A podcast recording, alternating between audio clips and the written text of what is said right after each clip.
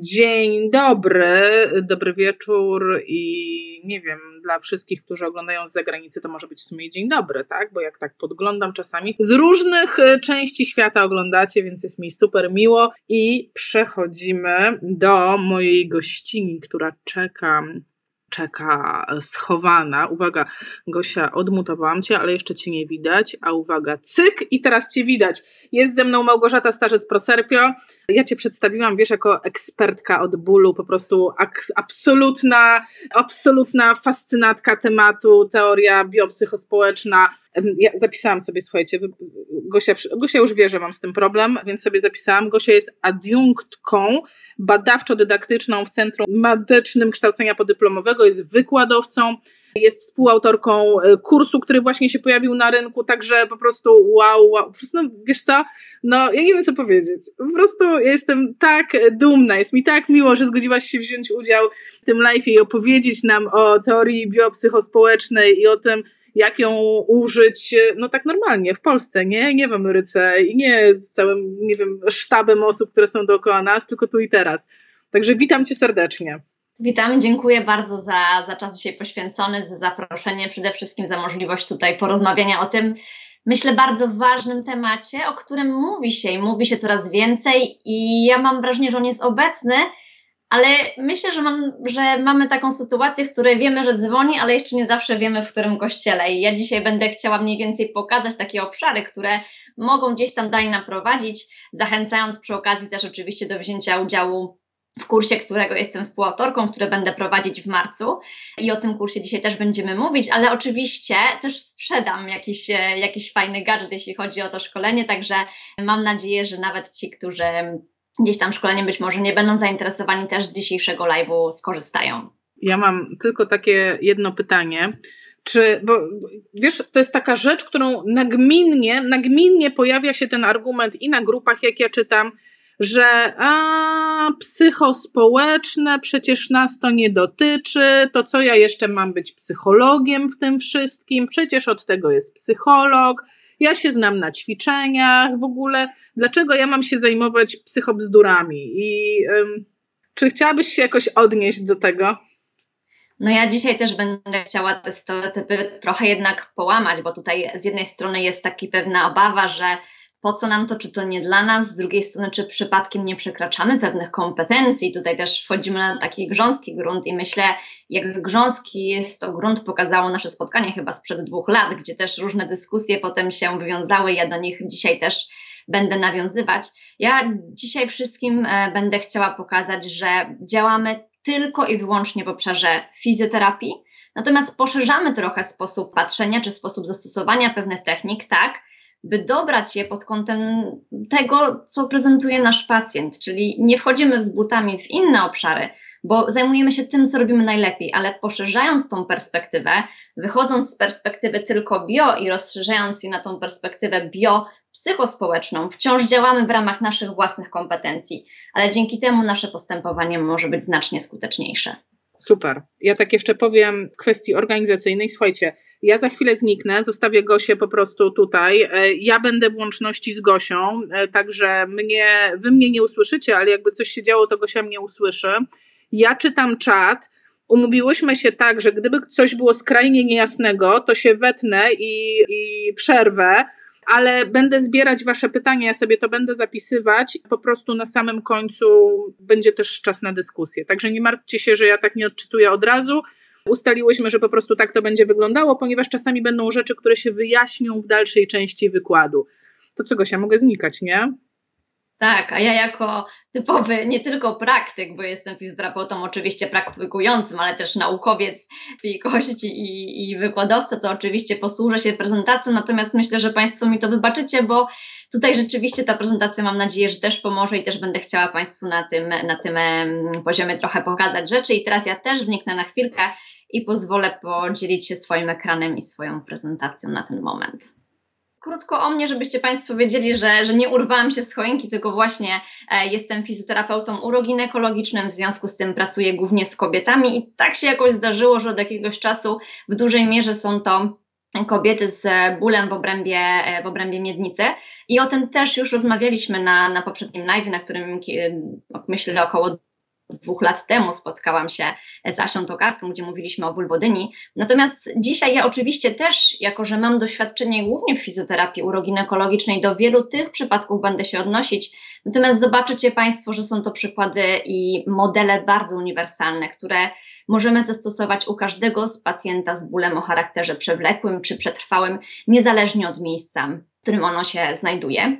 I miałam taką przyjemność właśnie szkolić się e, u świetnych specjalistów z zakresu podejścia biopsychospołecznego w Kanadzie, między innymi od Caroline Van Dijken, która to jest współautorką e, szkolenia, które będziemy właśnie organizować w marcu. Szkolenie będę prowadziła ja, ponieważ e, musieliśmy też zaadaptować wiele z tych elementów amerykańskich czy kanadyjskich na, na pole europejskie i polskie.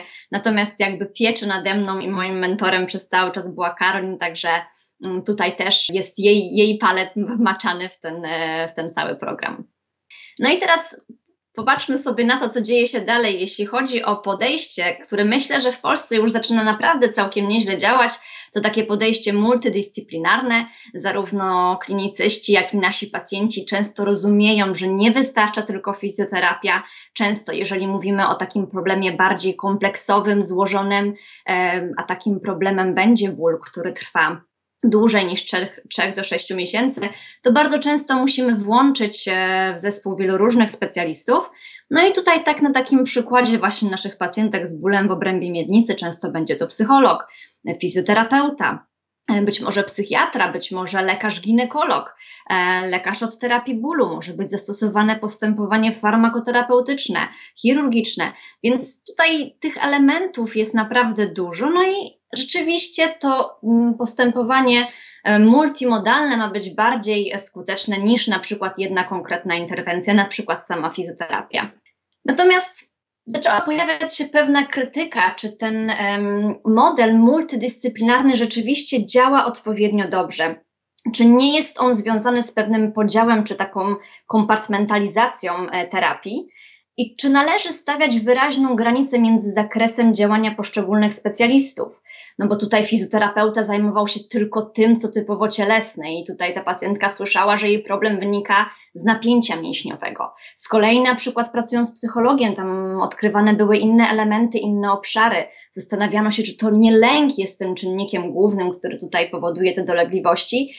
I tutaj e, autorka tego tego artykułu, który Państwu zamieściłam, ona rzeczywiście tutaj dyskutuje, czy nie jest tak, że fizjoterapeuci, pielęgniarki, położne lekarze w swojej codziennej praktyce w sposób nieunikniony mierzą się z zagadnieniami takimi właśnie jak na przykład wysoki poziom lęku, czasem stres, depresja, i my też musimy nauczyć się z nimi postępować, oczywiście w zakresie naszych kompetencji, w zakresie naszej praktyki, by nie doprowadzać do sytuacji, w której na przykład wzmacniamy czy utrwalamy pewne negatywne mechanizmy w sposób zupełnie nieświadomy. I tak też zaczęto mówić o podejściu interdyscyplinarnym. I według tego podejścia wciąż mamy, czy możemy mieć wielu różnych specjalistów z różnych dziedzin, ale tutaj już te elementy mogą się między sobą przenikać. One mogą mieć bardziej spójną i zintegrowaną formę, i tutaj ci specjaliści mogą wspólnie koordynować działania poszczególnych dyscyplin w stronę jednego celu. I tutaj, na przykład w ramach psychoterapii, pacjentka może e, pracować z lękiem, ale też te elementy e, pracy e, mogą być włączone również w trakcie fizjoterapii. W formie idealnej jest to dostarczane w ten sposób, że wszyscy ci członkowie zespołu terapeutycznego mogą się między sobą komunikować, czy wspólnie ustalać dalszy przebieg leczenia. No z tym tutaj jeszcze jest trudniej, bo wymaga to miejsc, które mają właśnie różnych specjalistów w jednym, w jednym ośrodku. No i pojawia się dyskusja, do której dzisiaj jeszcze będziemy wracać, czy to są nasze kompetencje, czy my możemy oddziaływać na takie elementy jak katastrofizacja, jak unikanie lękowe, wysoki poziom stresu. I tutaj rzeczywiście ta dyskusja rodzi e, pewne wątpliwości. Natomiast, drodzy Państwo, tutaj najprostszy dla mnie przykład e, to strona norweskiego KIF-u, czyli odpowiednika norweskiego KIF-u, gdzie możemy znaleźć informację e, na jednej z zakładek, że fizjoterapeuci będą pracować z pacjentami z zaburzeniami lękowymi, z depresją, z zaburzeniami odżywiania, z pacjentami po traumach, e, a również fizjoterapia tam włączana jest u pacjentów z zaburzeniami o charakterze psychozy, e, z zaburzeniami dwubiegunowymi, więc ta fizjoterapia jest tam rzeczywiście obecna. I znowuż to nie jest tak, że fizjoterapeuta leczy zaburzenia odżywiania, ale wspomaga cały proces terapeutyczny poprzez właśnie odpowiednie zastosowanie technik fizjoterapii. Drodzy Państwo, mówiliśmy też e, o tym już dwa lata temu, o, o modelu e, Petera O'Sullivana, o tej tak zwanej e, poznawczej terapii funkcjonalnej, czy cognitive functional therapy, która została na początku stworzona głównie dla pacjentów z bólem odcinka lędźwiowego. I tam też było mówione o tym, że oprócz takich elementów jak korekcja wzorców ruchowych, oddechowych, e, trening fizyczny, terapia manualna, fizjoterapeuta oddziałuje też poprzez odpowiednie techniki fizjoterapii na elementy właśnie związane z kinezjofobią, katastrofizacją na temat dolegliwości bólowych, czy na przykład unikaniem lękowym.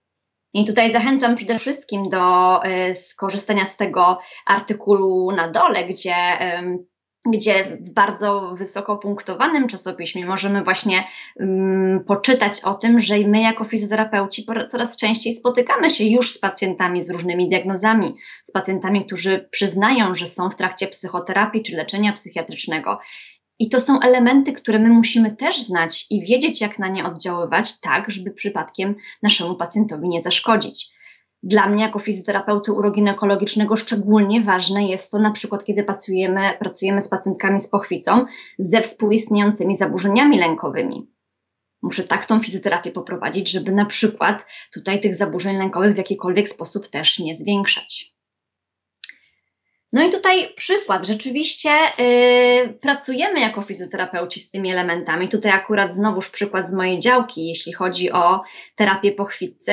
Natomiast tutaj mamy przykład specjalnego modelu, gdzie jako my, my jako fizjoterapeuci możemy zastosować odpowiednio zmodyfikowane techniki fizjoterapeutyczne, by pracować na przykład właśnie z wysokim poziomem lęku u pacjentki z pochwicą.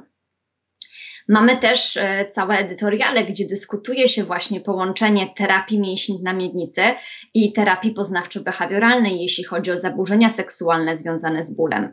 Coraz więcej odpowiednich zasad z zakresu terapii poznawczo-behawioralnej jest adaptowanych na pole fizjoterapii. Wtedy pacjentka, mając jednocześnie psychoterapię poznawczo-behawioralną i fizjoterapię prowadzoną z wykorzystaniem podobnych zasad, czuje, że jakby to wszystko że tak powiem kolokwialnie, spina się w jedną całość. No i tutaj znowuż e, przykład z Norwegii. E, tam, co ciekawe, na Uniwersytecie w Oslo, nie wiem jak to jest teraz, ale wtedy, kiedy ja tam miałam e, możliwość być i odwiedzać, były dwa kierunki fizjoterapii. Była fizjoterapia powiedzmy standardowa i tak zwana Mensendig fizjoterapii, czyli ta terapia somatokognitywna, gdzie znowuż elementy terapii poznawczo-behawioralnej adaptowane były na zasady fizjoterapii, i tam e, fizjoterapeuci studiujący właśnie ten kierunek uczyli się, jak połączyć te elementy fizyczne i psychologiczne zgodnie z zaleceniami dotyczącymi przewlekłych zespołów bólowych, i o tym też zaraz będziemy mówić. Nacisk kładziony, kładzony jest na wysoką, e, wysoką, wysokiej jakości relacji i współpracy z pacjentem, ale też podejście odpowiednie do jego ciała, do jego funkcji jak również odpowiednie, e, odpowiednią pracę w zakresie fizjoterapii z różnymi wzorcami myślowymi, e, również zadania domowe, które byłyby powiązane z codziennymi czynnościami pacjenta. No i tutaj model, który ja osobiście bardzo lubię, czyli tak zwana praktyka czy fizjoterapia uświadomiona psychologicznie.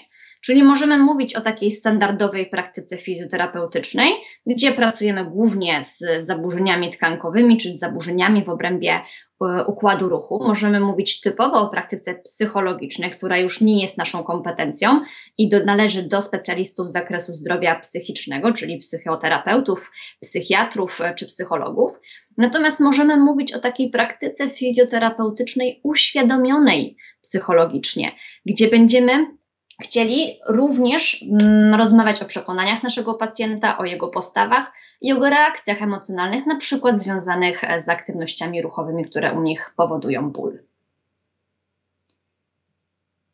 No i tutaj przechodzimy do bardzo ważnego elementu, e, a mianowicie tego, czym jest ból. I to jest bardzo ważny element, który omawiam z, każdym, e, z każdą moją pacjentką, która przychodzi do mnie z bólem powyżej 3 e, do 6 miesięcy. I tutaj zawsze przytoczę tą definicję bólu, czyli że jest to nieprzyjemne doznanie zmysłowe i emocjonalne związane z rzeczywistym lub potencjalnie zagrażającym uszkodzeniem ciała, albo opisywane w kategoriach takiego uszkodzenia.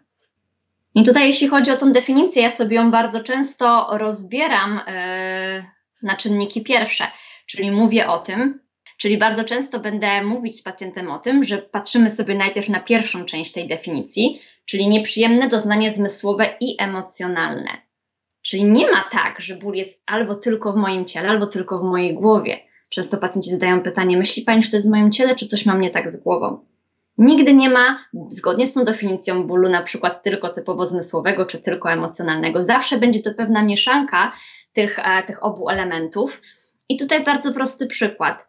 Zupełnie inaczej odczuję ból, kiedy jestem na imprezie, ktoś nadepnie mi obcasem na palec. Bardzo to zaboli, ale za chwilę być może rzucę się w wir imprezy, zacznę rozmawiać ze znajomymi i ten ból prawdopodobnie nie będzie mi już tak bardzo przeszkadzał. Natomiast prawdopodobnie zupełnie inaczej odczuję ten ból, kiedy ten sam uraz pojawi się wtedy, kiedy właśnie pokłóciłam się na tej imprezie z najlepszą koleżanką. Wtedy może się okazać, że ten ból odczuję znacznie wyraźniej i znacznie intensywniej i znacznie dłużej. Zupełnie inaczej będzie też, kiedy jestem w ogrodzie, spaceruję na boso i się skaleczę, a inaczej, kiedy do takiego urazu dojdzie, kiedy przechodzę przez przejazd kolejowy. Być może wtedy zupełnie inaczej odczuję ten ból, bądź w ogóle go nie odczuję, bo po prostu będę wiała z tego przejazdu kolejowego. No i idziemy też do kolejnej części tej definicji, czyli związane z rzeczywistym lub potencjalnie zagrażającym uszkodzeniem ciała. Czyli mogę mieć ból, bo się skaleczę, ale przypominacie sobie być może tą historię z palcem, którą już Wam pokazywałam jakiś czas temu e, na spotkaniu z Asią, gdzie możemy sobie bardzo mocno rozciągnąć palec i to też mnie może bardzo boleć. No ale w danym momencie e, to właśnie mój układ nerwowy tą sytuację zinterpretował jako sytuację zagrożenia i informuje mnie o bólu po to, żebym przestała to robić, bo za chwilę coś sobie uszkodzę. Ale w tym momencie nie mam nic uszkodzonego, czyli tego uszkodzenia zupełnie może nie być. Czasem może być to uszkodzenie, ale ja o nim w ogóle nie będę wiedzieć. Na pewno zdarzyło się tak, że rozbieramy się pod prysznicem, widzimy ogromnego siniora, czy zawsze wiemy skąd on się wziął. No i tutaj e, czasem jest to solidna, krwawa wybroczyna, natomiast w danym momencie nasz układ nerwowy podjął decyzję, że z jakichś powodów nie, nie poinformuje nas o, tej, o, tej, o tym zdarzeniu, bo być może coś innego będzie zupełnie bardziej istotne w danym momencie. Pamiętajmy też, że ból nie daje nam rzetelnej i aktualnej informacji na temat stanu tkanek ciała. Ile razy zdarzyło się tak, że skaleczymy się krojąc marchewkę do obiadu? Pojawia się krew, pojawia się uraz, e, bardzo często go zaopatrzymy, e, przemyjemy ranę, zakleimy plastrem i prawdopodobnie ona jeszcze trochę poboli. Ale na drugi dzień, kiedy ten plaster odklejam, ta rana dalej tam jest. Moje tkanki się jeszcze nie zagoiły, ale bólu prawdopodobnie już nie ma. I o tym też trzeba pamiętać, bo często właśnie w tym, w tym takim naszym typowym pojęciu zawsze będziemy kojarzyć ból z czymś, co informuje nas o tym, że coś się dzieje nie tak na poziomie struktur ciała.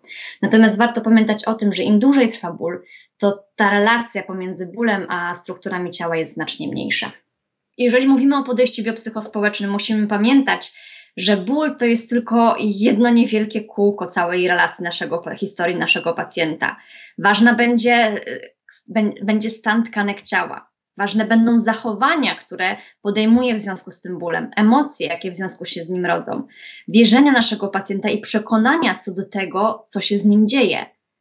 No i bardzo ważny jest kontekst, czyli u kogo to się dzieje, jaki to ma wpływ na jego codzienne życie.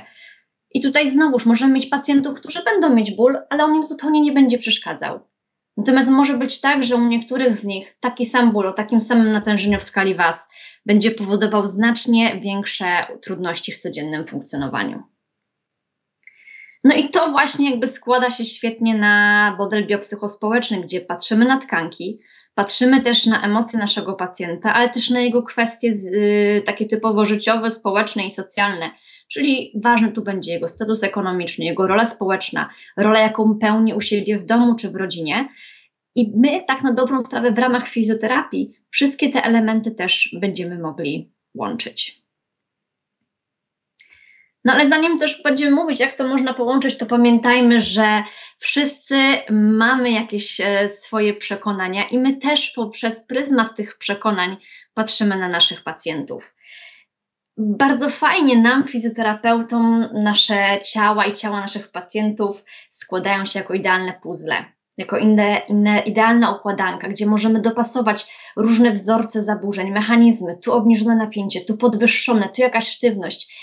I często zaczynamy tworzyć pewne łańcuchy powiązań, łączyć jedno z drugim, ale czy tak na dobrą sprawę wiemy, że to było pierwsze, doprowadziło do tego, a potem e, spowodowało taką dysfunkcję i jak coś tam rozluźnimy, to wpłyniemy na inne elementy? Mi osobiście praca naukowa pokazała, że bardzo często wiele rzeczy nam się wydaje, wiele rzeczy nam się wydaje oczywistych, ale często jak to sprawdzimy, poddamy rygorystycznym metodom naukowym, to okazuje się, że nie ma między nimi żadnej relacji. I o tym też musimy pamiętać, patrząc na naszych pacjentów. Pamiętajmy też, że metody, które my uważamy za najlepsze, niekoniecznie będą najlepsze dla naszych pacjentów. Czyli znowuż ja mogę zasypać pacjenta różnymi e, zadaniami, różnymi technikami, ale bardzo często one niekoniecznie będą dopasowane dla niego. Jeden pacjent będzie lubiał ćwiczenia, inny pacjent będzie e, wolał formy modyfikacji codziennych aktywności. I tutaj też bardzo często musimy uzgodnić z pacjentem, jaka forma postępowania będzie dla niego najlepsza. Możemy powiedzieć, ale przecież dane postępowanie, postępowanie X jest najlepsze. Tylko, że ono nie będzie skuteczne u pacjenta, dla, dla którego to postępowanie z jakiejś przyczyn, jego przekonań choćby nawet, nie będzie odpowiednie. On po prostu nie będzie tych zadań zgodnie z tą daną koncepcją wykonywał. No i tutaj kolejny problem związany z naszymi przekonaniami polega na tym, że czynniki psychospołeczne często brane są pod uwagę tylko wtedy, gdy pacjent nie reaguje na nasze tak zwane normalne fizjoterapeutyczne leczenie, czyli męczymy się, wybieramy różne techniki, kombinujemy, a ten pacjent się nie poprawia. Wtedy bardzo często mówimy w pewnym momencie terapii: Wie pani co? Może warto by skonsultować się, i tutaj padają różne inne e, specjalności, typu właśnie lekarz, e, psycholog i tak dalej. I to jest najgorsze, co taki pacjent może usłyszeć, bo on w tym momencie myśli: OK, chodziłem, mówił mi, że mi pomoże, e, że wystarczy, że będę robił to, albo przychodził co tydzień na jakieś rozluźnianie, a teraz mówi mi, że wszystko jest w mojej głowie. I to jest bardzo ważne, aby to podejście biopsychospołeczne włączać od samego początku. Łatwo jest nadać pewnym pacjentom etykietę, tak zwany psychosomatyczny pacjent, i moje postępowanie nie działa, bo ten pacjent jest psychosomatyczny. Ale musimy pamiętać, że te czynniki psychospołeczne to oczekiwana i normalna część wszystkich doświadczeń bólowych, ostrych czy przewlekłych. I one często będą różnić się typowo od zaburzeń konkretnych związanych z zaburzeniami zdrowia psychicznego. I to jest coś, z czym my będziemy mieli do czynienia na co dzień w gabinecie, więc tych elementów też musimy być świadomi. E, no tak i tutaj kolejny ważny element, że my często lubimy być tą, mieć tą taką autorytarną rolę tego mechanika naprawiającego uszkodzoną maszynę. I tutaj stajemy na wysokości zadania, traktując właśnie tego pacjenta jak coś, co musimy naprawić. Natomiast coraz więcej e, tych modeli e, integracyjnych, czyli tutaj akurat mamy przykład z książki, która niedługo się ukaże, ten Integrative Rehabilitation Practice, czyli forma takiej integracyjnej mm, praktyki fizjoterapeutycznej, sugeruje nam, że być może lepiej stać się pewną formą partnera pacjenta e, i podyskutować z nim, bo tak jak wspominałam, to co my uważamy za najlepsze postępowanie, niekoniecznie będzie najlepszym postępowaniem z punktu widzenia pacjenta. I tutaj warto, abyśmy wspólnie z nim uzgodnili um, dane postępowanie. A tutaj wystarczą proste, otwarte pytania. Co pani myśli na przykład o takich i takich ćwiczeniach? Możemy zalecić jakiejś pacjentce jodze, a jogę, ona z jakichś powodów nie będzie chciała tej um, jogi wykonywać, bo ma takie, a nie inne przekonania. Więc często zamiast jej zalecić w sposób preskryptywny, możemy zapytać się, co ona myśli o tych ćwiczeniach, czy chciałaby takie ćwiczenia wykonywać. I jeżeli nie, to wspólnie zastanowić się, czym moglibyśmy je zastąpić. No i tutaj coś, co znowuż ukazało się wcale nie tak dawno w bardzo wysoko opunktowanym czasopiśmie, gdzie możemy znaleźć 11 takich najbardziej istotnych rekomendacji dotyczących postępowania z takim przewlekłym bólem mięśniowo-szkieletowym. Ja tutaj wybrałam takie trzy najważniejsze punkty, a mianowicie ten pierwszy, który mówi, że terapia powinna być skoncentrowana na pacjencie, czyli te formy postępowania dobieramy do naszego pacjenta. Warto się go zapytać, co pani lubi robić, jakie formy aktywności fizycznej są dla pani dogodne. E, często możemy pomówić, jeżeli próbujemy dobrać jakieś formy relaksacji, możemy zaproponować pacjentowi różne formy i wspólnie z nim wybrać, jaka forma będzie dla niego najlepsza. Również jeżeli chodzi o formę terapii, czyli możemy znowuż odgórnie nakazać pacjentowi przychodzić co tydzień do gabinetu, ale też możemy z nim porozmawiać i powiedzieć: Ogólnie moja praktyka polega na tym, że z pacjentami spotykam się e, tak i tak w takich odstępach czasowych. Ale oczywiście będzie to zależało od tego, czego pani potrzebuje. Czy woli na przykład pani przychodzić rzadziej i mieć więcej zadane do, do domu, czy być może jest pani pacjentką, której ciężko jest znaleźć czas w domu i lepiej będzie się pani motywować przychodząc częściej tutaj. Więc dajmy pacjentowi wybór, pokażmy mu, że jakby on decyduje o swoim stanie zdrowia i jest w stanie też być równorzędnym partnerem, jeżeli chodzi o dobór metod terapeutycznych. Kolejny bardzo ważny punkt, który być może też będzie jakkolwiek tutaj wstawiał kij w mrowisko, a mianowicie punkt dziewiąty. Wprowadzaj terapię manualną tylko w połączeniu z innymi opartymi na dowodach metodami jako ich dopełnienie. Jak często zdarza się, że z pacjentami pracujemy tylko i wyłącznie terapię manualną. E, I jest to dla nas bardzo ważny punkt, bo znowuż możemy ustalić z pacjentem, co możemy mu wprowadzić i w jakiej formie. I tutaj nie o to chodzi, żeby mówić, że terapia manualna jest zła czy nieefektywna, bo często jest to baza wielu naszych metod fizjoterapeutycznych i ja w codziennej pracy bardzo często korzystam z terapii manualnej. Tylko obecnie, zgodnie z tym podejściem biopsychospołecznym, buduje, w, w, wokół nich zupełną, zupełnie inną retorykę niż kiedyś. Czyli to nie jest tak, że pacjent leży i ja go naprawiam, ja mu wyrównuję napięcia. Ja bardzo często mówię, że dajemy pewien sygnał sensoryczny do układu nerwowego, ale większość tych technik e, terapii manualnej, które robimy w gabinecie, bardzo często też adaptuję do wykonywania samodzielnie w domu. I mówię pacjentce, jeżeli będzie Pani chciała, dokładnie te same techniki w sposób samodzielny może Pani wykonywać w domu. Jeżeli chciałaby Pani poradzić sobie z tymi dolegliwościami w momencie, kiedy one się pojawiają, będzie Pani mogła z nich skorzystać. Jeżeli nie, w razie czego zawsze może Pani przyjść do gabinetu, ale daje jej wybór, bo ona ten wybór jak najbardziej doceni. No i punkt trzeci, i to tutaj nawiązuje do tej dyskusji, która się wywoła, wy, mm, która została wywołana dwa, dwa lata temu, myślę, wtedy, kiedy z Asią się spotkałam pierwszy raz i mówiliśmy o ocenie tych czynników psychometrycznych za pomocą odpowiednich kwestionariuszy. E, za pomocą kwestionariuszy e, psychometrycznych. No i wtedy też była pewna dyskusja, dlaczego, czy fizjoterapeuta może to robić, e, czy fizjoterapeuta może w ogóle stosować takie przesiewowe kwestionariusze. I zobaczcie, drodzy Państwo, mamy rok 2020 według tutaj tej um, publikacji i jest to coś, co jest rekomendowane dla nas jako fizjoterapeutów. International Pelvic Pain Society, czyli bardzo duża organizacja zajmująca się właśnie bólem przewlekłym w obrębie miednicy, zrzeszająca terapeutów zajęciowych, fizjoterapeutów, lekarzy, psychologów, położne, przygotowała dla tych wszystkich specjalizacji właśnie zestaw takich kwestionariuszy, gdzie są odpowiednie kwestionariusze również psychometryczne, żeby móc taką pacjentkę ocenić, czy pacjenta w formie przesiewowej, jeśli chodzi o poziom katastrofizacji, lęku czy poziomu depresji.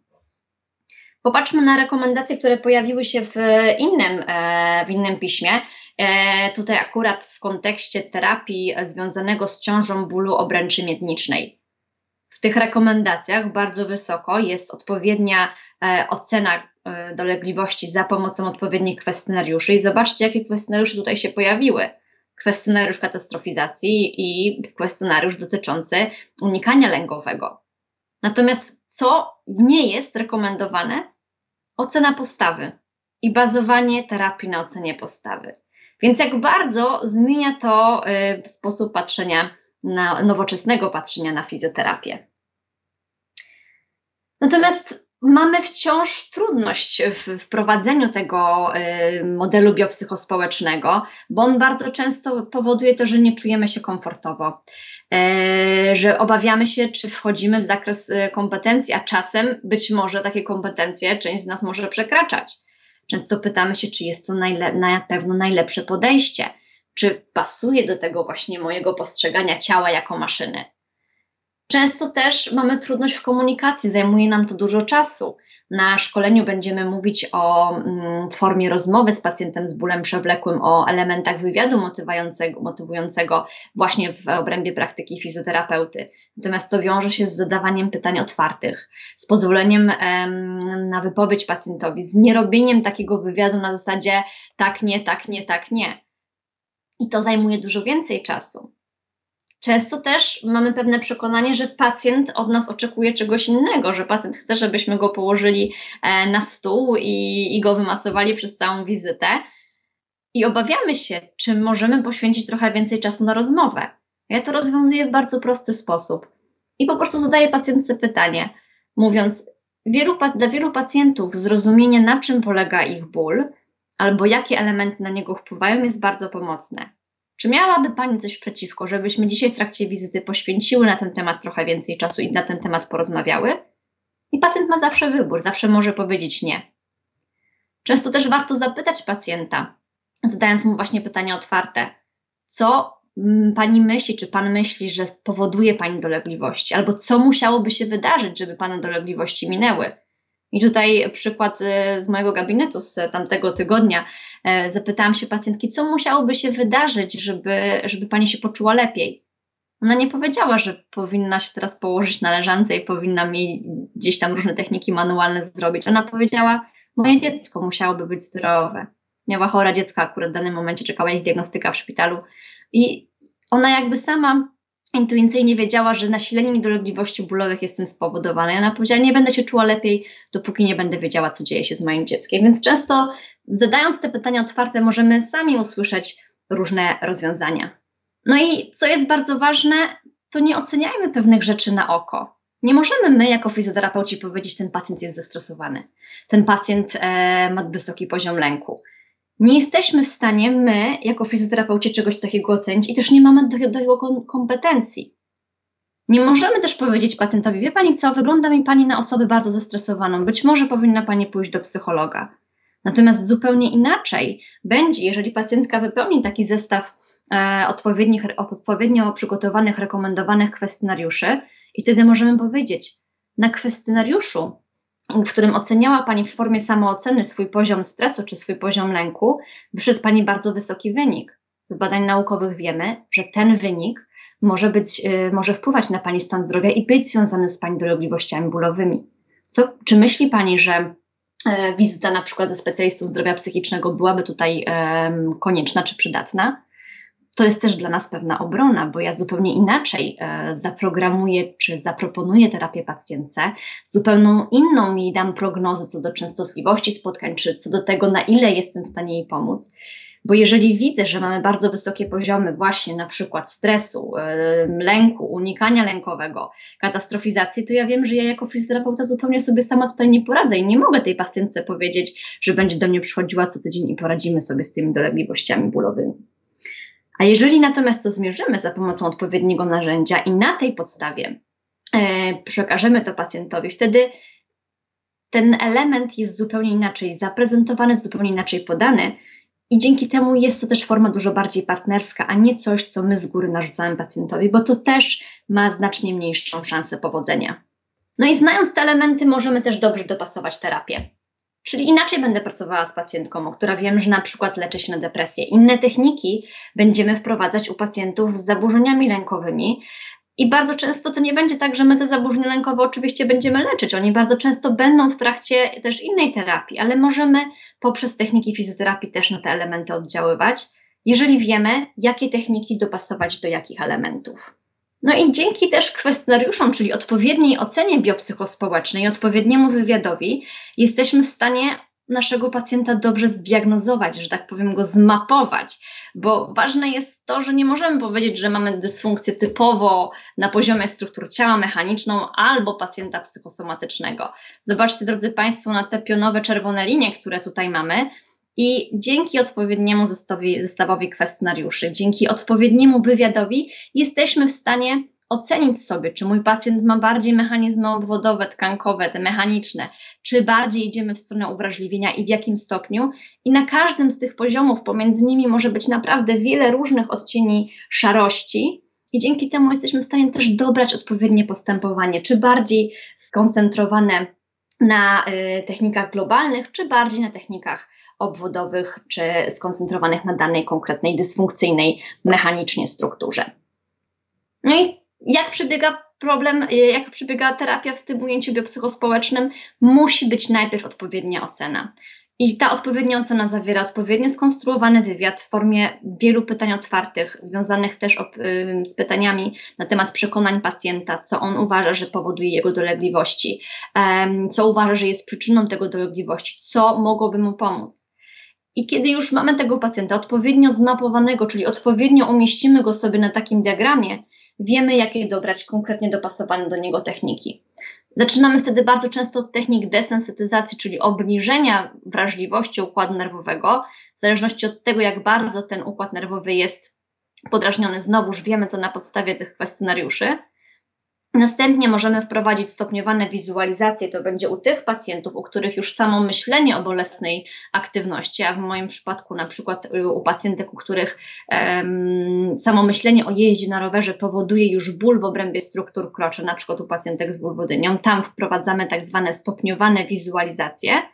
Następnie znowuż elementy zaczerpnięte z terapii poznawczo-behawioralnej i zaadaptowane na pole fizjoterapii, tak zwana stopniowana ekspozycja, czyli stopniowo zwiększamy obszar działalności naszego pacjenta. I tutaj na przykładzie pacjentek, na przykład z pochwicą, nie przechodzimy od terapii manualnej od razu do badania ginekologicznego, tylko odpowiednio razem z pacjentką jesteśmy w stanie podzielić to na tak zwaną stopniowaną ekspozycję, gdzie ona stopniowo wychodzi poza strefę swojego komfortu, ale wciąż ma kontrolę nad całą sytuacją. No i bardzo ważna faza piąta, czyli wspieranie poczucia własnej skuteczności. Czy pacjenci dostają od nas narzędzia do samodzielnego radzenia sobie z problemem? Czy dajemy im takie możliwości? No i tutaj obiecałam jakiś konkret, coś, co możemy wykorzystać właśnie biorąc pod uwagę to podejście biopsychospołeczne w terapii naszego pacjenta. E, I tutaj e, chciałam pomówić o czymś takim jak Pain Neurophysiology Education, czy Pain Neuroscience Education, czyli tak zwana edukacja na temat neurofizjologii bólu. Dlatego, że jeżeli nasz pacjent rozumie, co się dzieje, to my już dzięki temu dużo lepiej oddziałujemy na jego stan, dużo lepiej oddziałujemy między innymi na przykład na elementy związane z katastrofizacją na temat jego dolegliwości bólowych. Pacjent, który nie rozumie, z czego wynika jego ból i co na niego wpływa, będzie dużo trudniej z tymi dolegliwościami sobie radził. Jeżeli my tego nie potrafimy w sposób jasny zaprezentować, to ten pacjent jest jak właśnie takie dziecko we mgle, jak na tym rysunku, bo nie rozumie, co na te dolegliwości może wpływać. I często ten ból pojawia się znikąd i w bardzo dużym natężeniu, co znowuż powoduje jeszcze większy dystres u tego pacjenta. Natomiast jeżeli wyposażymy się w odpowiednie rusztowanie, czyli udoskonalimy tą naszą edukację pacjenta, a jest to, przypomnę, jeden z ważniejszych elementów e, działań fizjoterapeuty, edukacja, e, to tutaj możemy zupełnie inaczej e, tą wiedzę przekazać pacjentowi w taki sposób, żeby on dokładnie rozumiał, co wpływa na jego dolegliwości. I w tym celu posłużę się e, pewnym, e, pewnym schematem, który tutaj Wam zamieściłam. E, I tutaj wrócę teraz, teraz do mojego Painta. To jest schemat, który ja wykorzystuję na wizycie. Drukujemy go bardzo często albo rysujemy na tablecie. I to jest schemat, na którym pokazuję pacjentce, na czym poleg mogą polegać dolegliwości bólowe. Ten pierwszy schemat, tutaj zaznaczę, um, zaznaczę jedynkę. Ten pierwszy schemat dotyczy bólu, typowego bólu ostrego po urazie. Ja tutaj będę mówić sobie na przykładzie skaleczenia palca, natomiast oczywiście może być to jakikolwiek e, inny ból, o którym będziemy sobie e, mogli mówić, niezależnie od części ciała. Jeżeli pojawi się skaleczenie, to uruchamiane zostają procesy gojenia, pojawia się dużo e, różnych substancji chemicznych dookoła tej rany, które będą odpowiadały za, za jej procesy gojenia, ale też te, te mm, substancje chemiczne będą łączyć się z receptorami na poziomie struktur nerwowych i następnie zamieniane w informację elektryczną będą biegły wzdłuż nerwem. I to, co bardzo ważne jest dla nas, to jest ten sygnał alarmowy tutaj. Kiedyś e, myśleliśmy, że mamy tak zwane receptory bólu. W tym momencie wiemy, że nie ma czegoś takiego jak receptor bólu. Ta informacja tutaj jeszcze nie jest e, informacją o bólu, ona jest informacją o zagrożeniu.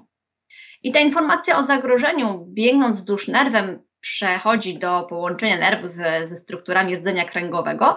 Do przestrzeni międzykomórkowej uruchamiane są neurotransmitery, które następnie łączą się z bramkami na poziomie struktur rdzenia kręgowego i ta informacja biegnie dalej wzdłuż do struktur korowych mózgu.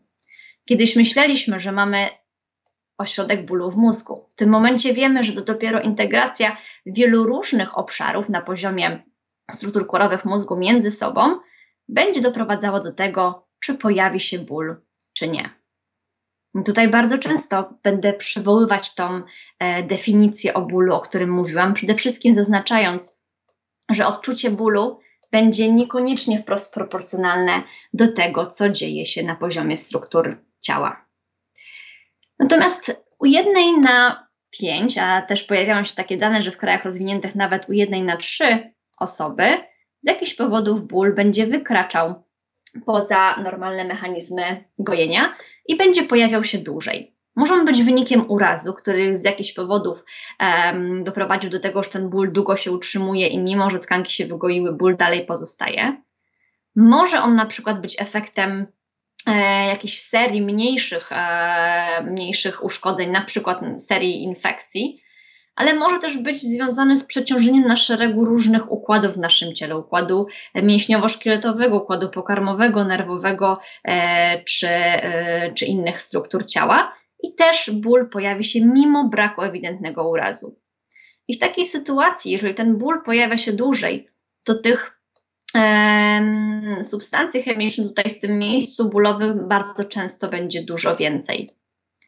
Z racji tego, że będzie ich tak dużo, one dużo łatwiej będą łączyć się z bramkami na poziomie struktur nerwu. Jak ten nerw tak bombardowany jest tymi wszystkimi informacjami, to bardzo często wytwarza dodatkowe zakończenia nerwowe.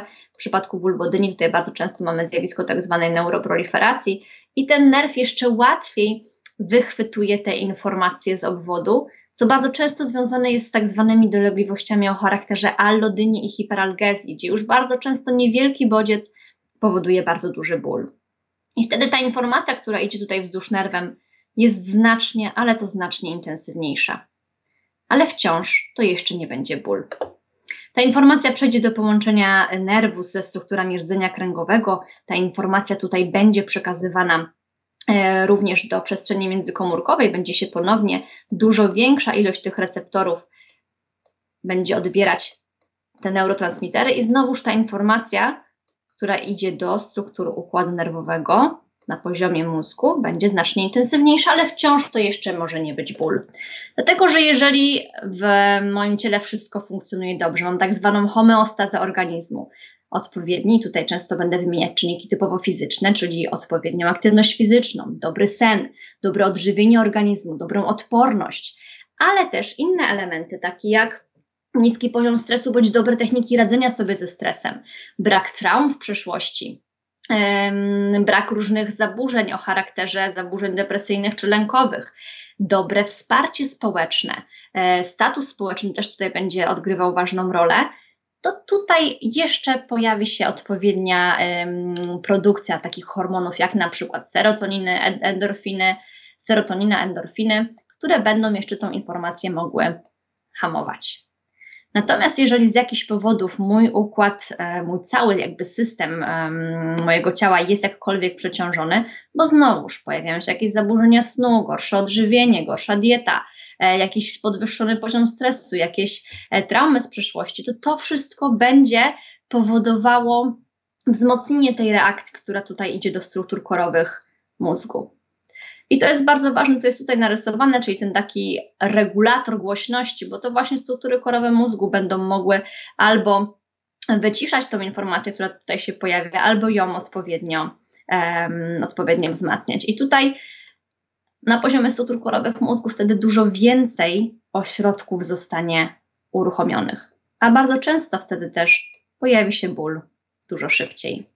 No i to jest coś, co naszych pacjentów może przerażać, ale dzięki zjawisku neuroplastyczności mózgu wiemy, że tą całą reakcję możemy, e, możemy odwracać, czyli możemy działać na ten cały tak zwany wind-up, czyli e, nasiloną tą reakcję z obwodu, ale też możemy wpływać na te reakcje hamujące ze struktur e, układu nerwowego, ze struktur korowych.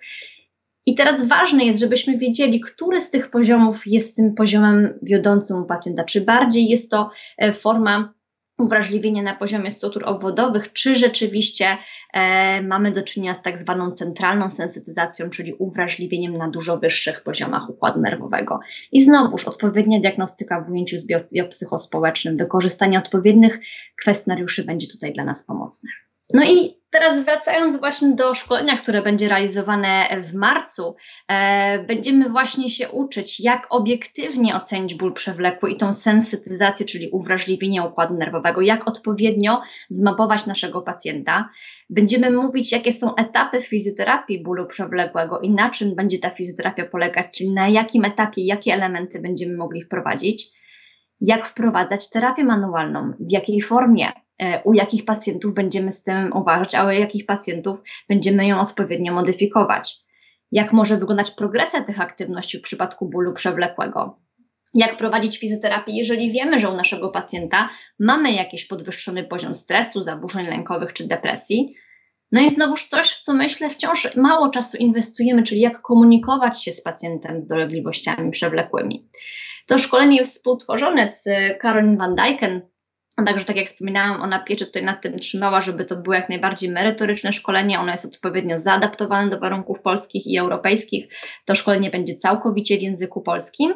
I chcąc zapisać się na takie szkolenie, zachęcam do odwiedzenia strony Reframe Rehab albo kliknięcie w link, który jest, jest udostępniony zarówno w wydarzeniu na Facebooku, jak i też jest dostępny na mojej stronie facebookowej. Wydarzenie będzie w formie online, Natomiast będzie to forma online e, interaktywna, czyli będzie zarówno praca w grupach, e, będzie dyskusja. E, także dzięki temu mamy wrażenie, że będziemy jak na normalnym szkoleniu, a wciąż możemy być w zaciszu swojego mieszkania w wygodnym fotelu z herbatką i kocykiem. No i to są właściwie te najważniejsze elementy, o których chciałam dzisiaj powiedzieć. Ja tutaj dzielnie śledziłam czat, nawet troszeczkę pisałam na tym czacie z niektórymi, czasami znikały mi komentarze. Wiecie, ja tak e, więcej widzę w komputerze niż w komórce. Taki miałam hit, więc jak przestałam odpowiadać, to znaczy, że przestałam widzieć Wasze komentarze. E, jest kilka pytań, wiesz, przeczytam Ci. E, ja sobie i też sobie wypisałam parę pytań, także takie, takie pięć minut dla tłumu. Krzysztof, Krzysztof zauważył na samym początku Twojego wykładu, że czy to nie jest tak, że od poruszania się ciała zaczyna się cała zabawa, czyli że dopiero ruch pozwala nadać sens jakiemukolwiek leczeniu e, i że musimy umieć w to wejść, rozumieć, co się dzieje w życiu pacjenta. E, a ja do tego dodałam, wiesz co, tak przewrotnie troszeczkę, e, a gdzie dotyk, tak? Bo ja jeszcze, jeszcze gdzieś tam po drodze widzę jednak ten dotyk, ruch i dotyk, no co pierwsze, mm, I don't know. No jednak to, co widzimy, i tutaj jako typowy naukowiec tutaj będę mieć e, uwagę gdzieś tam na to, co widzimy w badaniach naukowych, to jednak e, coraz więcej mamy silnych dowodów jednak na ruch, na ruch wprowadzony w formie, która będzie dla pacjenta atrakcyjna, czyli coś, co on będzie lubiał robić która będzie e, dla niego stanowiła też pewne wyzwanie, czyli tutaj to, co często się mówi, często zaczynam od bardzo podstawowych ćwiczeń, a ten pacjent czuje się jakby był totalną, powiem kolokwialnie, może to nie jest dobre słowo, ale lejbą, dlaczego ja, silna osoba, muszę skorzystać z takich bardzo prostych, delikatnych ćwiczeń, często odpowiednie obciążenie tej tkanki w sposób e, zachowujący odpowiednie zasady progresji w przypadku zaburzeń bólowych będzie tym kluczem do sukcesu i on też pokaże pacjentowi dzięki temu, że poprawi jego poczucie własnej sprawczości, że on jest jak najbardziej skłonny do tych aktywności. Mało tego, jeżeli mówimy o ruchu, tutaj bardzo często będzie pojawiał się taki termin novel movements, czyli jakaś forma nowego ruchu, którego pacjent nie zna, ponieważ pacjent wie, że w danym ruchu zawsze pojawia się ból.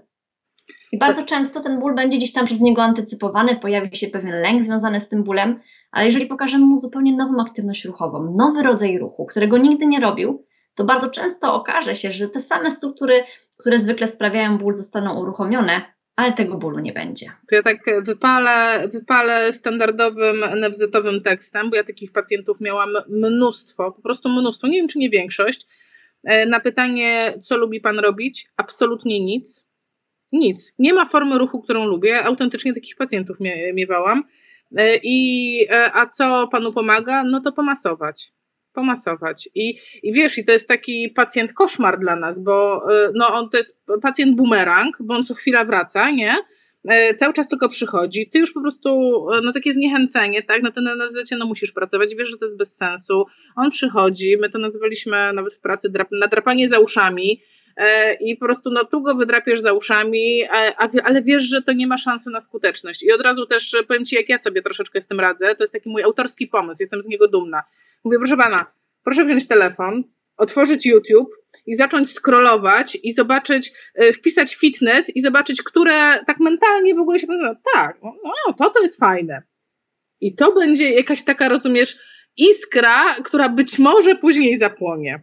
Ja tutaj też bardzo często dyskutuję z, z pacjentkami akurat. Ja mam też może trochę inny, inny rodzaj pacjenta, dlatego że jakby moje pacjentki to są często kobiety młode, które, y, którym ból utrudnia życie i one jakby są bardzo zdeterminowane do tego, żeby coś im pomogło na trwale. Często to są kobiety, które mają dużo różnych obowiązków, realizują się zawodowo, robią karierę i też prawda jest taka, że one chcą jakieś narzędzie, które będą skuteczne na dłużej, a nie takich tylko skutecznych na chwilę. I bardzo często to jest coś, nad czym, nad czym dyskutujemy.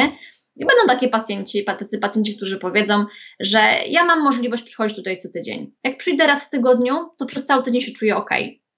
Tak, I wolę realizować terapię w ten sposób. I tak. dla mnie to też jest ok. Natomiast to jest ok, jeżeli to uzgodnimy wspólnie, a nie, że, a nie jeżeli ja to narzucę, nie dając pacjentowi innych opcji. I zawsze mogę powiedzieć, że te formy oddziaływania, mamy, znamy skuteczne formy oddziaływania, one wymagają Pani zaangażowania. Wygląda to tak i tak i tak, możemy to dobrać tak, żeby to było maksymalnie dla Pani przyjemne. Mamy też drugie, drugą opcję, taką bardziej formę biernej terapii, gdzie pewne techniki ja wykonuję na pani. To będzie często skuteczne na krótszy okres czasu i prawdopodobnie jako jedyna forma interwencji niewystarczające. Co pani wybiera? Wtedy e, jakby mamy sprawę jasną. Wiesz, odpowiedziałaś tak zupełnie przypadkiem chyba na moje następne pytanie, bo ja sobie zapisałam takie pytanie, jak zmieniać przekonania pacjentów, e, bo oni często są przekonani, no, że ten masaż im pomoże, że nie wiem, fizyko im pomoże, E, że nie mogą się ruszać, bo to im zaszkodzi. Przekonanie bardzo częste, przekonanie na NFZ, że dwa razy do roku to trzeba pójść na rehabilitację, trzeba, bo jak masz zwyrodnienia, no to trzeba. E, ja sobie zadałam takie, zapisałam takie pytanie, jak zmieniać przekonania pacjentów, bo umówmy się, większość z nas ma z tym problem, bo ci ludzie przychodzą, on coś wie, coś ma w głowie, i teraz, jeżeli ja mu wszystko zacznę odwracać do góry nogami, to ja wyjdę na niekompetentne. Znaczy, nie będzie to nieskuteczne, tak? Po prostu, no to ja sobie pogadam, będę się czuła, o, jak fajnie poopowiadałam samą prawdę. I co z tego, jak on poszedł i nigdy do mnie nie wróci? Ale Asiu, ile razy jest tak, że my tym pacjentom właśnie mówimy pewne prawdy, jakby wykładamy im pewne elementy, jakby tutaj patrząc z punktu widzenia typowej motywacji, jeżeli my stosujemy pewien odruch korygowania, korygujemy tych pacjentów, to to ma dużo mniejszą szansę na realizację. Jeżeli jednak jakby odniesiemy się do ich wewnętrznej motywacji, czyli spróbujemy się zastanowić, co jest dla nich istotne, w czym im te dolegliwości przeszkadzają. I tak poprowadzić rozmowę, gdzie jakby wzbudzimy te wewnętrzne jakby pokłady motywacji, wtedy może się okazać, że jakby ten pacjent zupełnie inaczej podejdzie do, do tego problemu. I wtedy też ta terapia może być skuteczniejsza, bo rozwiązania nie pochodzą od nas, one nie są narzucone pacjentowi, tylko rozwiązania pochodzą od niego. A co robisz z pacjentami, którzy czerpią korzyści z niepełnosprawności?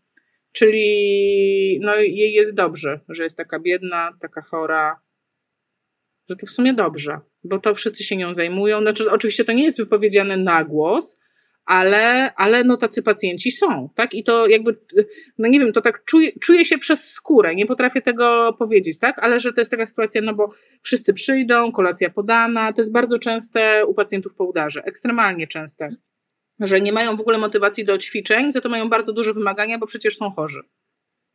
Często, często rozmawiamy z pacjentami i pytamy się, w czym ból Pani przeszkadza, w czym Pani utrudnia, ale też często zadaję drugie pytanie, a w czym Pani sytuacja, ta, w której Pani się znajduje, Pani pomogła, albo co Pani lubi w tej sytuacji. I wtedy czasami rzeczywiście, zadając pytanie w formie otwartej, czasami możemy tutaj uzyskać odpowiedź na takie pytanie.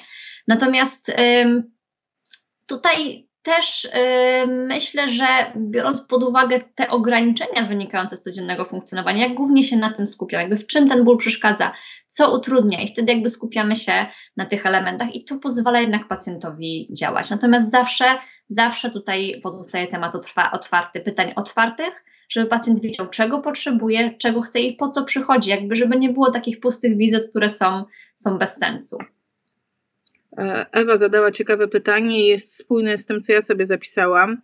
Co zrobić z silną kinezjofobią, lękiem przed dotykaniem bolesnego obszaru ciała, gdzie nie ma możliwości wprowadzić innego rodzaju ruchu? A ja dodam do tego od siebie, bo mówiłaś o zachowaniach takich związanych z bólem. I ja na przykład u swoich pacjentów często obserwuję takie zachowania związane z bólem typu aucia, aucia, aucia, prawda? I oni bardzo werbalizują i wręcz czasami teatralnie pokazują to, jak bardzo ich boli. Mhm. E, I ja na przykład wielokrotnie się zastanawiałam, bo, bo jest to opisywane w literaturze, że e, jest ten związek właśnie zachowań z bólem. I teraz ja się zastanawiam, jakby edukować ich, żeby na siłę tego nie robili, czy uświadamiać ich, że to robią, zapytać się, nie wiem, a co tobie daje, że ty się tak zachowujesz, e, jakby, e, czy w ogóle wchodzisz w takie rzeczy, czy to już za daleko i to już jest psycholog? E, nie, ja tutaj pracuję głównie jakby stricte w ramach fizjoterapii, czyli przede wszystkim zaczynam od edukacji na temat neurofizjologii bólu, gdzie właśnie mówimy o tej nadwrażliwości dotykowej, o alodynii, o hiperalgezji, i wtedy zawsze odwołuje się. Pamięta Pani, rozmawiałyśmy o tej neurofizjologii bólu, gdzie mówiłyśmy o tym, że często bodziec, który nie powinien powodować reakcji obronnej reakcji bólowej, w przypadku nadwrażliwego układu nerwowego taką reakcję może powodować. Czy w tym momencie ten bodziec, który wprowadzamy, w Pani ocenie jest bodźcem, który powinien powodować aż takie duże dolegliwości? I znowu zostawiamy pytanie tutaj otwarte i pozwalamy sobie na taką dyskusję z tym pacjentem, ale unikamy korygowania. Najgorsze, co możemy zrobić, to mówić, ale i, i, swoje, a pacjent swoje ale, tak, ale, a my znowu tak, ale i to jest, to jest coś, czego, co, naj, co jest jakby najgorsze, w co nie powinniśmy brnąć, bo to powoduje niepotrzebną dyskusję. I tutaj kłaniają się właśnie zasady takiego, takich adaptacji wywiadu motywacyjnego właśnie na pole fizjoterapii, by unikać takich form dyskusji czy kłócenia się z pacjentem, kto ma rację. Jeżeli chodzi o kinezjofobię i o to pytanie, które tam zostało zadane, ja tutaj znowuż korzystam z tych adaptacji terapii poznawczo-behawioralnej na pole fizjoterapii i tutaj wykorzystujemy tak zwane drabinki ekspozycji. I mam taką drabinkę wydrukowaną, gdzie zaznaczamy poziom niższy tej drabinki, czyli zero punktów, takich subiektywnych punktów, e, powiedzmy, dystresu, jeśli chodzi o daną aktywność, i poziom maksymalny 100 i mówimy, co jest dla Pani najgorsze. Tutaj w moim przypadku pacjentka z na przykład z pochwicą. Najgorsze dla mnie jest na przykład badanie ginekologiczne. A zaczynamy, a co w ogóle nie będzie u Pani powodować żadnego dystresu? Siedzenie. Siedzenie na twardym krześle. A co yy, będzie jakby kolejnym etapem? I rozbudowujemy całą drabinkę, tak zwanej drabinkę ekspozycji, gdzie możemy umieścić od y, najłatwiejszych elementów typu właśnie siedzenie na twardym krześle, poprzez wyobrażanie sobie dotyków danej okolicy, poprzez y, dotykanie, e, ale przez ubranie i stopniowo, stopniowo, idąc zgodnie z tą drabinką ekspozycji, która nie jest na, narzucona przeze mnie, bo każdy pacjent ma inne tempo, tylko razem ją rozpisujemy, Mamy ją na każdej wizycie i zawsze możemy do niej wracać. I to przejście między jednym poziomem a drugim jest taką delikatną, um, delikatnym elementem wyjściem poza strefę komfortu, ale nie rzucaniem pacjenta na głęboką wodę. U mnie też zawsze na fizjoterapii jest taka zasada 4 na 10. 0 to jest brak bólu, dyskomfortu, lęku, a 10 to jest najgorszy możliwy ból, stres, dyskomfort i tak dalej. Czyli pozwalamy sobie dojść do czwórki, wyjść trochę poza strefę komfortu, ale też nie przeginać w drugą stronę, bo to też będzie uwrażliwiało wtórnie naszego pacjenta i będzie zwiększało ten poziom uwrażliwienia układu nerwowego. To jest bardzo ważne, bo my bardzo często, nie dobierając tego w ten sposób, możemy wtórnie jakby zwiększyć wrażliwość układu nerwowego u naszego pacjenta. Czy e, odpowiedziałam na pytanie? Tak, tak. Moim zdaniem tak. E, to musi, musi mi. Zaraz, zaraz to Ewa zadała to pytanie. Ewa, musisz napisać, czy, czy to była odpowiedź na Twoje pytanie. Wojciech skomentował. No ja siłą rzeczy muszę przyjmować, że pacjent ma rację, bo w robocie by mnie zrobili zabili współpracownicy. I troszeczkę tak jest. Wiesz, Wojciech z dziećmi pracuje, z niepełnosprawnymi dziećmi. Też był gościem na live, zresztą bardzo dobrego live. I troszeczkę, wiesz co, nie chcę powiedzieć na NFZ, bo generalnie ja uważam, że to jest dobra opcja przyjąć, że pacjent ma zawsze rację, ale w takim pozytywnym tego znaczeniu.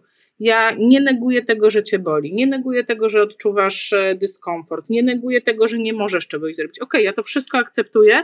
Ja też po prostu jestem wielką fanką drabinki i zastanawiam się, dobra, to gdzie jest twój szczebelek wyżej? To gdzie jest twoja przestrzeń, powiedz mi, że możemy gdzieś pójść o jeden stopień czy o pół stopnia dzisiaj, a potem to zobaczymy. A potem jak, tak. jak pójdziemy pół stopnia dzisiaj, to może pół jutro, a może za tydzień będą dwa stopnie, a za miesiąc pięć stopni. Dokładnie, dokładnie w tej, w tej formie to przebiega i często kiedyś jak pracowałam, to wyciągałam dilatory, mówię, proszę pani, pani, pani z pochwicą, zaczynam od dilatorów, po kolei ten i ten i ten i ten. I dla jednych pacjentów to będzie świetne postępowanie, ale dla innych z różnych względów dilatory akurat nie będą to najlepszą formą ekspozycji. No i teraz musisz czekaj, teraz... czekaj, czekaj, czekaj, czekaj, moja droga, i teraz musisz wyjaśnić tym osobom, które nie wiedzą, co to są dilatory. E, dilatory to są formy takich, powiedzmy, urządzeń, czy takie, takie akcesoria, które wykorzystujemy w fizjoterapii uroginekologicznej. E, ja tutaj zaraz pokażę przykładowe zdjęcie takiego dilatora. To są um, różnych rodzajów, um, różnych rozmiarów sprzęty, które pozwalają na gradację rozmiaru czegoś, co wprowadzane jest do pochwy, czyli od palca możemy przejść do coraz to większych rozmiarów, tak by pacjentka na przykład mogła być przygotowana do badania ginekologicznego. I już e, pokażę, jak to wygląda. Przykładowy dilator, różne rozmiary. I ja wtedy bardzo często mogę powiedzieć, dla wielu pacjentek dilatory będą pomocne w terapii. Praca z nimi polega na tym i na tym. Czy myśli Pani, że to jest odpowiednia forma, forma postępowania dla Pani? Czy widzi się Pani pracując z takimi akcesoriami? Czy może powinnyśmy się zastanowić nad innymi formami? I, I, bardzo często będzie tak, że wspólnie będziemy tutaj podejmować decyzje, i bardzo często pacjentki wybiorą inną formę, inną formę gradacji e, tej drabinki, żeby dochodzić na przykład do tego badania ginekologicznego. Jak ten film trafi na YouTube, to już zablokowane wszystko tajny przez. Zawsze, kiedy wspomnę o rozmnażaniu się albo e, o płodności, to YouTube mi blokuje filmy, więc zapomnij. Umarł w butach. Dobrze. E, udało nam się dzisiaj na 10 minut wprowadzić bardzo delikatne techniki manualne. Wszystko pod kontrolą pacjentki. Yeah. Dobrze. Małgorzato, serdecznie Ci dziękuję. E, ja wkleiłam w komentarzach link do kursu e, Gosi. Obczajcie go, po, przeklikajcie się przez niego nawet jeżeli nie jest to do końca wasza tematyka, ja uważam, że zawsze warto zobaczyć, co jest dobrego. Kurs jest po polsku, jakby ktoś miał wątpliwości. Jest dostosowany do warunków polskich i tak jak rozumiem, jest e, dużym, dużym, dużym rozbudowaniem tego, o czym dzisiaj mówiłaś. Tak, no przede wszystkim moim celem dzisiejszym było troszeczkę zamieszać się wszystkim w głowach, pokazać pewne możliwości. Natomiast yy, szkolenie jest tak skonstruowane, że będziecie mieć konkretne modele działań. Nie o to chodzi, żeby to były schematy postępowania, bo coś takiego nie istnieje, ale dzięki temu szkoleniu na pewno będziecie się mogli znacznie, mm, znacznie lepiej poruszać w temacie bólu przewlekłego. Zobaczcie, że ci pacjenci, którzy zwykle, tak było w moim przypadku, którzy zwykle było, o nie, Boże, co ja będę robić z tą pacjentką, w tym momencie to są naprawdę wspaniałe wizyty, wspaniałe spotkania, dużo mniej stresujące też dla mnie jako, jako takie spotkania. Eee, te szkolenie da konkretne narzędzia, będzie masa materiałów, które będziecie mogli wykorzystać e, ze swoimi pacjentami. Będzie bardzo fajnie rozbudowana, rozbudowany ten element diagnostyczny, który pozwoli Wam dobrać odpowiednio techniki z zakresu typowej fizjoterapii, które już wszyscy doskonale znacie. Także zapraszam, jeżeli ktoś ma jakieś pytania, to też chętnie dodatkowych informacji na ten temat udzielę. Jak można się z Tobą kontaktować, jakby ktoś miał pytanie? E, ja zachęcam do kontaktu na przykład za pośrednictwem strony facebookowej Fizjoterapia Małgorzata Starzec-Prozerpio albo e, poprzez maila kontakt małpa małgorzatastarzec.pl tak. Dorota się pytałaś, gdzie można wyrazić e, uznanie dla autorki wykładu, to myślę, że świetnym i to mówię, słuchajcie Wam wszystkim, że generalnie jeżeli chcecie kogoś gratyfikować, nie pieniężnie, ale naprawdę nam pomóc, to wpisujcie nam opinię na Facebooku. Tak samo u Gosi e, na stronie, e, jak i u mnie na fizjopozytywnych. Nam na przykład, nam naprawdę bardzo to jest pomocne, jeżeli napiszecie, wejdziecie w sekcję recenzję. Wiem, że ją trudno znaleźć, ale naprawdę warto poszukać e, i napiszecie nam recenzję, bo chcę Wam powiedzieć, że Facebook jest na tyle paskudny, że stare recenzje usuwa. Więc na przykład jak ktoś miał dużo, a w ostatnim czasie nie ma żadnych, bo na przykład była pandemia, to ma problem. Więc, y, więc y, y, no co, żebrolajki Gosia, poprosimy o recenzję. No co, co dużo mówić, no. Kochani, wszystkiego dobrego. Gosiu, bardzo Ci dziękuję. Jestem zachwycona, że zgodziłaś się wziąć udział. Życzę Ci po prostu tysiąca osób na szkoleniu. Niech wieść się szerzy, niech, niech, niech coraz więcej osób pracuje, patrząc szeroko na tego pacjenta i po prostu niech nasi pacjenci wracają do zdrowia i do szczęścia i do życia i w ogóle same ochy i achy. Dziękuję bardzo za dzisiejszy wieczór. Dziękuję, cześć.